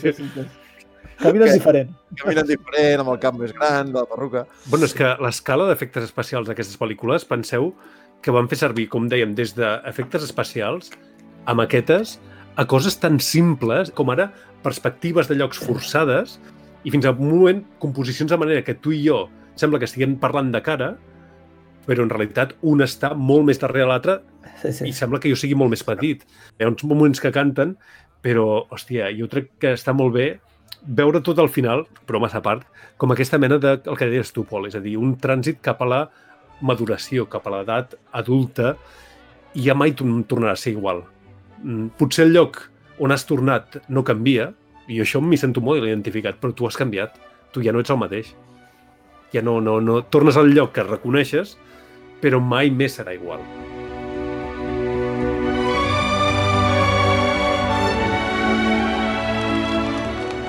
I el Mai Bilbo, dius, això és molt emotiu. Sí. Viejuno, clar, perquè ja no està sobre sota l'influx de l'anell. I quan l'altre el veu i el, i el veu vell i, de, i decrèpit i, i, i que li havia passat factura a l'anell. De fet, els, és l'anell el que els podreix, els, els passa factura i tots dos queden tocats, queden com tocats per aquesta negror que tenia. Mm. L'anell- la- L'anell, l'escena final del Gollum, quan es, quan es llença i tot això, és brutal. Que l'agafa, L'anell, eh, la que posa... Però el Gollum mor feliç. El Gollum mor perquè té el tresor i pilla, però el tio pilla... De... Sí que- El que sí que m'agradaria comentar és que aquestes pel·lícules van coexistir, per tenir una mica de visió també del moment, van coexistir en pel·lícules que s'estava recuperant Star Wars. Aquestes pel·lícules coincideixen amb tres coses. Sí, Atenció. Star Wars, fiasco total l'any 99 amb l'episodi 1, Amenaza fantasma. que eh, per mi és una de les decepcions més bèsties que he tingut al cinema. Per sort en parlarem aviat amb Àlex Solà, a.k.a. Tentacle. Mm, Veníem d'allà, veníem de Matrix, any 99, que va sortir del no-res com una supernova i marcant el cine d'acció i de ciència-ficció de, del nou mil·lenni, i veníem de Harry Potter, que és contemporani a tot això. Aquest és el context. Mm. Com ha perdurat aquesta trilogia per vosaltres, El Senyor dels Anells, amb tot aquest entorn de franquícies? Aquí està, per això, veient tot aquest entorn de franquícies, realment la veus que està... Sí, i re- reconec que no l'he vist fa poc, eh, però he vist escenes. Segurament que és un clàssic i és un must, s'ha de veure. És una pel·li... és, són unes pel·lícules que estan ben fetes, amb ofici, amb amor, amb carinyo, i que realment es basen en una de les històries més grans de tots el temps, que és El Senyor dels Anells, del senyor Tolkien, no? O sigui, realment és, és, és com una obra mestra. Jo diria jo que catalogaria com una obra mestra. Ho és. Sí, sí, Sí? Jo, crec, jo estic d'acord. Jo crec que és una, una obra d'estar del cinema contemporani. És una cosa, és, és, està bé i està basada en una bona història. És el que té. Si després, ja que parlarem d'aquí una estona, suposo també de, del Hobbit, si això desmereix o no aquesta trilogia, no ho crec. Dir que el Hobbit desmereix el Senyor dels Anells és com dir que les pel·lícules del J.J. Abrams desmereixen a les originals de Star Wars. No té cap sentit. És a dir, una cosa és una cosa i una altra cosa és una altra. Jo crec que és una llàstima el que va passar amb el Hobbit per dues raons. La primera perquè si reviseu qui l'havia de fer originalment, que és el Guillermo del Toro, els plans que tenia el Guillermo del Toro són molt interessants. Fixeu-vos aquest detall, eh? No estic dient el que a mi m'agradaria que fossin les pel·lis del Hobbit, sinó el que van estar a punt de ser. Entre altres coses, dues pel·lícules i no tres. Té molt sentit. Mm. Volia fer servir animatrònics un altre cop i CGI. Cosa que el Peter Jackson va començar a fer servir tot croma i es nota una barbaritat. I el càsting era super interessant. Hi havia el Ron Perlman, Hellboy... Mm. Primer el, va, el volia ficar com a Smaug, però després va dir no, serà el Bjorn. I com a nan, si això t'agradarà, Paul, hi havia Liam McShane, que és el propietari del bordell a Deadwood, Uh -huh. i el Brian Blessed. El Brian Blessed és el pare de l'escurçó negra a la primer escurçó negra. I també tenia, evidentment, el, el Martin Freeman com a, com a Bilbo, que està fantàsticament bé. I tant, És dir, Fantàstic. i tant. I, I els nans estan fantàstics. I tant. És que és això, si és una trilogia que té coses a rescatar, però a veure, per què no ho va fer el, el Guillermo del Toro? jo sé que el tio es va fer enrere i després ho va agafar les riendes al, a Peter Jackson. és que estava tot a punt de començar. Tio, suposo que hi havia problemes aquí de producció, visions artístiques... Perquè està clar, això tu pots mirar al dret o al revés, eh? No són pel·lícules tan estimades com la trilogia del Senyor dels Anells, encara que van funcionar a taquilla. Hi ha dues raons. La primera, la cobdícia de New Line Cinema, de dir, no, no, farem una trilogia d'un llibre, però a més a més hi ha que quan va marxar el Guillermo del Toro, per l'estrena també, estrenarem una cada any com van fer una antiga tri- trilogia, el Peter Jackson no va tenir gairebé temps de preproducció. Bueno, en, encara gràcies que existeixen les pel·lícules. Sí, sí. va ser un error de... O no, s'entén que és una part de codícia, com tu dius, és a dir, eh, si podem fer-ne tres i fer taquilla de tres, en guanyarem més diners que fer-ne una o fer-ne dues. Sí. Però no, va, no, de la mateixa manera que El Senyor dels Anells s'havia fet tot en una, com una declaració d'amor cap a les novel·les, aquí ja hi ha una instrucció, hi ha una transformació per convertir-les allà en un negoci, Sí. fer més nots, i això es nota mogollon. I, I es nota molt. La primera és molt bona pel·li, El Hobbit, eh? Però és que les, les altres dues, és que les, les fins i tot oblidats. La del mig, Sí. Però tenen coses, és que és això, a nivell de posar en escena, encara que sigui CGI, i ara mateix, potser d'aquí 10 anys o, o, o 20, eh, ja no s'aguanta tant, no? Però és que ara mateix és un espectacle visual. I d'això són pel·lis on passen moltes més coses i on tot el que passa és mega espectacular. O sigui, a nivell d'entorns, a nivell de monstres, a nivell de batalles. Uh, jo coincideixo que la primera encara. Mm. La primera encara. El que han fet amb aquestes tres pel·lis han fet superproduccions d'entreteniment. Mm. Sí, però no té cor. Bueno, és el que hi ha, no? Lícit, eh? és lícit, però I a vegades, a vegades es troba un equilibri entre tot. Sí, sí, però ara... Quan van fer El Senyor dels Anells no, no, va- no van fer-ho com una obra social, també volien guanyar diners. No, no, clar, clar. Jo ara us diré, vale, jo prefereixo que existeixin tres pel·lis com aquesta trilogia del Hobbit en comparació, per exemple, a la nova trilogia de Disney de Star Wars que allò sí que a mi, a mi no m'aporta res. Estic d'acord, i, i com a mínim tens aquelles, aquells espectacles visuals d'anar al cine, aquest Sí. anar anar al cine al Nadal, a veure una pel·lícula del Hobbit, aquell moment, aquelles dues hores i pico, són llargues, eh? Sí, sí. Òbviament, prefereixo que existeixin abans que, que, que no existeixi res, eh? Però em sap greu, eh? Dos pel·lícules jo crec que els hi hauria quedat rodones. Per mi el millor del Hobbit és justament el Hobbit. O sigui, l'actor Sí. ho, fa, és, Sí, sí, sí, és, ho fa brillant. O sigui, realment aquest Bilbo, no? Eh, així com anglès i torpe però valent, sí. Està, ho borda. I veure'l treballar fent de, fent de Bilbo per mi millor. Bueno, i l'Smaug, amb la veu del Benedict Cumberbatch, que és el Sherlock, Mm. amb qui havien treballat junts. I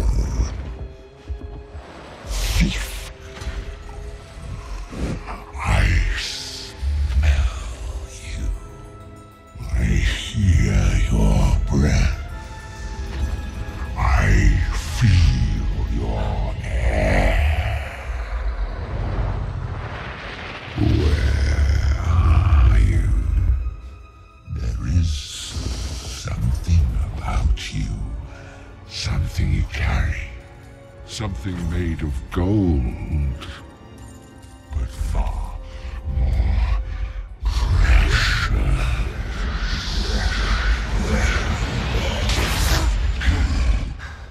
There you are, thief in the shadows. I did not come to steal from you. O Smaug, the unaccessibly wealthy. I merely wanted to gaze upon your magnificence. Of your enormity, O Smaug, the stupendous. Va, tanquem, tanquem amb el futur. Molt bé. Eh, es prepara una sèrie d'Amazon del Senyor dels Anells que serà sobre la segona edat.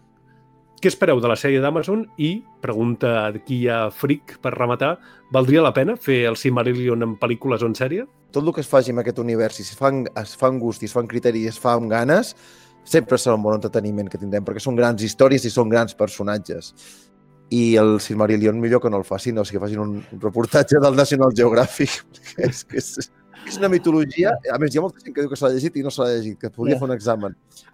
És una, és, és, una, és una mitologia que està molt bé, i és la seva pròpia mitologia. I es nota que veu una mica de la mitologia nòrdica i tot plegat, i, i sí que està molt bé, però com Joder, un una mica, una mica molt. Vale, molt, però sí, però bueno, és la seva mitologia com es va crear tot. Interès té? No, clar, és que no és un llibre d'aventures. A veure, jo, jo el que us anava a dir, per mi, eh, que es facin sèries d'això, o sigui, clar que és una bona notícia, però, hòstia, m'agrada molt que això, que fins ara era terreny només per friquis com nosaltres, ara és una cosa que, que s'ha acostat, s'ha obert a altres tipus de públic. Veurem si funciona, veurem com, com hi és, però hem dit, hem definit abans aquestes pel·lícules com una obra mestra, com una part importantíssima de la cultura popular, és veritat. Tu dius Frodo Gandalf, ara ja forma part de la cultura popular com dir Darth Vader, vull dir, és, és un fet incontestable. Si us sembla, podem anar tancant, si no teniu res més a afegir, si quedeu alguna, alguna, s'ha quedat alguna cosa al tinter, alguna escena que voleu recuperar o alguna reflexió sobre el món de Tolkien i de Peter Jackson? No, jo eh, eh, recomanaria aquests còmics, eh, ara no recordo els noms, però sí que recomanaria el, el còmic del Hobbit, Mm -hmm. eh, que realment, és, realment val, val molt la pena per treure't el mal sabor de boca de lo que podrien ser les pel·lícules. I tu, Vale. Pol? Sí, sí, sí, doncs jo eh, reivindicaré l'obra dels austríacs Summoning, una banda de black metal que s'inspira en l'univers de Tolkien i, hòstia, i tant que us el recomano. Sí, sí, inclús hi ha algun tema que es canta amb la llengua oscura de Mordor, que no penso usar aquí. Doncs jo em sumo a la recomanació d'en Pol. I res, moltíssimes gràcies, Lluís, Pol. Uh, us emplaço ara aquí per continuar de, parlant de nissagues amb Star Wars. Però això, com deien a la història interminable, serà una altra història i serà explicada en una altra ocasió. Us deixo amb uns minuts musicals ben entranyables dedicats al gran Bilbo Baggins i cantada per el gran i únic Leonard Nimoy. És poc.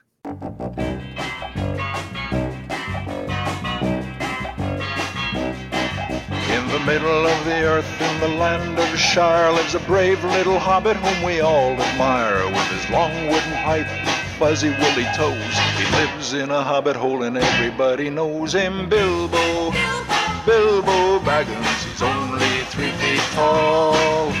Bilbo, Bilbo Baggins, the bravest little hobbit of them all. He escuchado una cosa. Si Peter Jackson hubiese querido alucinarme con esas pelis de los anillos, habría acabado la tercera llevándola a su conclusión lógica y no a los 25 finales siguientes. ¿Y cuál es la conclusión lógica? Sí, colega. Ilumínanos. Cuando el puto frito ese se despierta de su pequeño coma o lo que fuera y los jovititos están saltando sobre su cama y Sam se asoma por la puerta y le lanza esa miradita tan gay. Los anillos no, Randall. Di lo que quieras sobre Jesús, pero por favor no te metas con los anillos. Voy a llevarte hasta la comarca patadas si no cierras esa puñetera boca. Chicos, esa mirada era gay y creía que Sam iba a decirles a los jovititos que se fueran a dar una vuelta para que pudiera acercarse a Frodo y chuparle la polla. Ese sí era un final merecedor de un Oscar. Eh, capullo. No son gays, son hobbits. Now he's back in his home in the land of Shire, that brave little hobbit whom we all admire, just a sitting on a treasure of silver and gold, a puffing on his pipe in his hobbit hole. Bilbo, Bilbo Baggins, he's only three feet tall.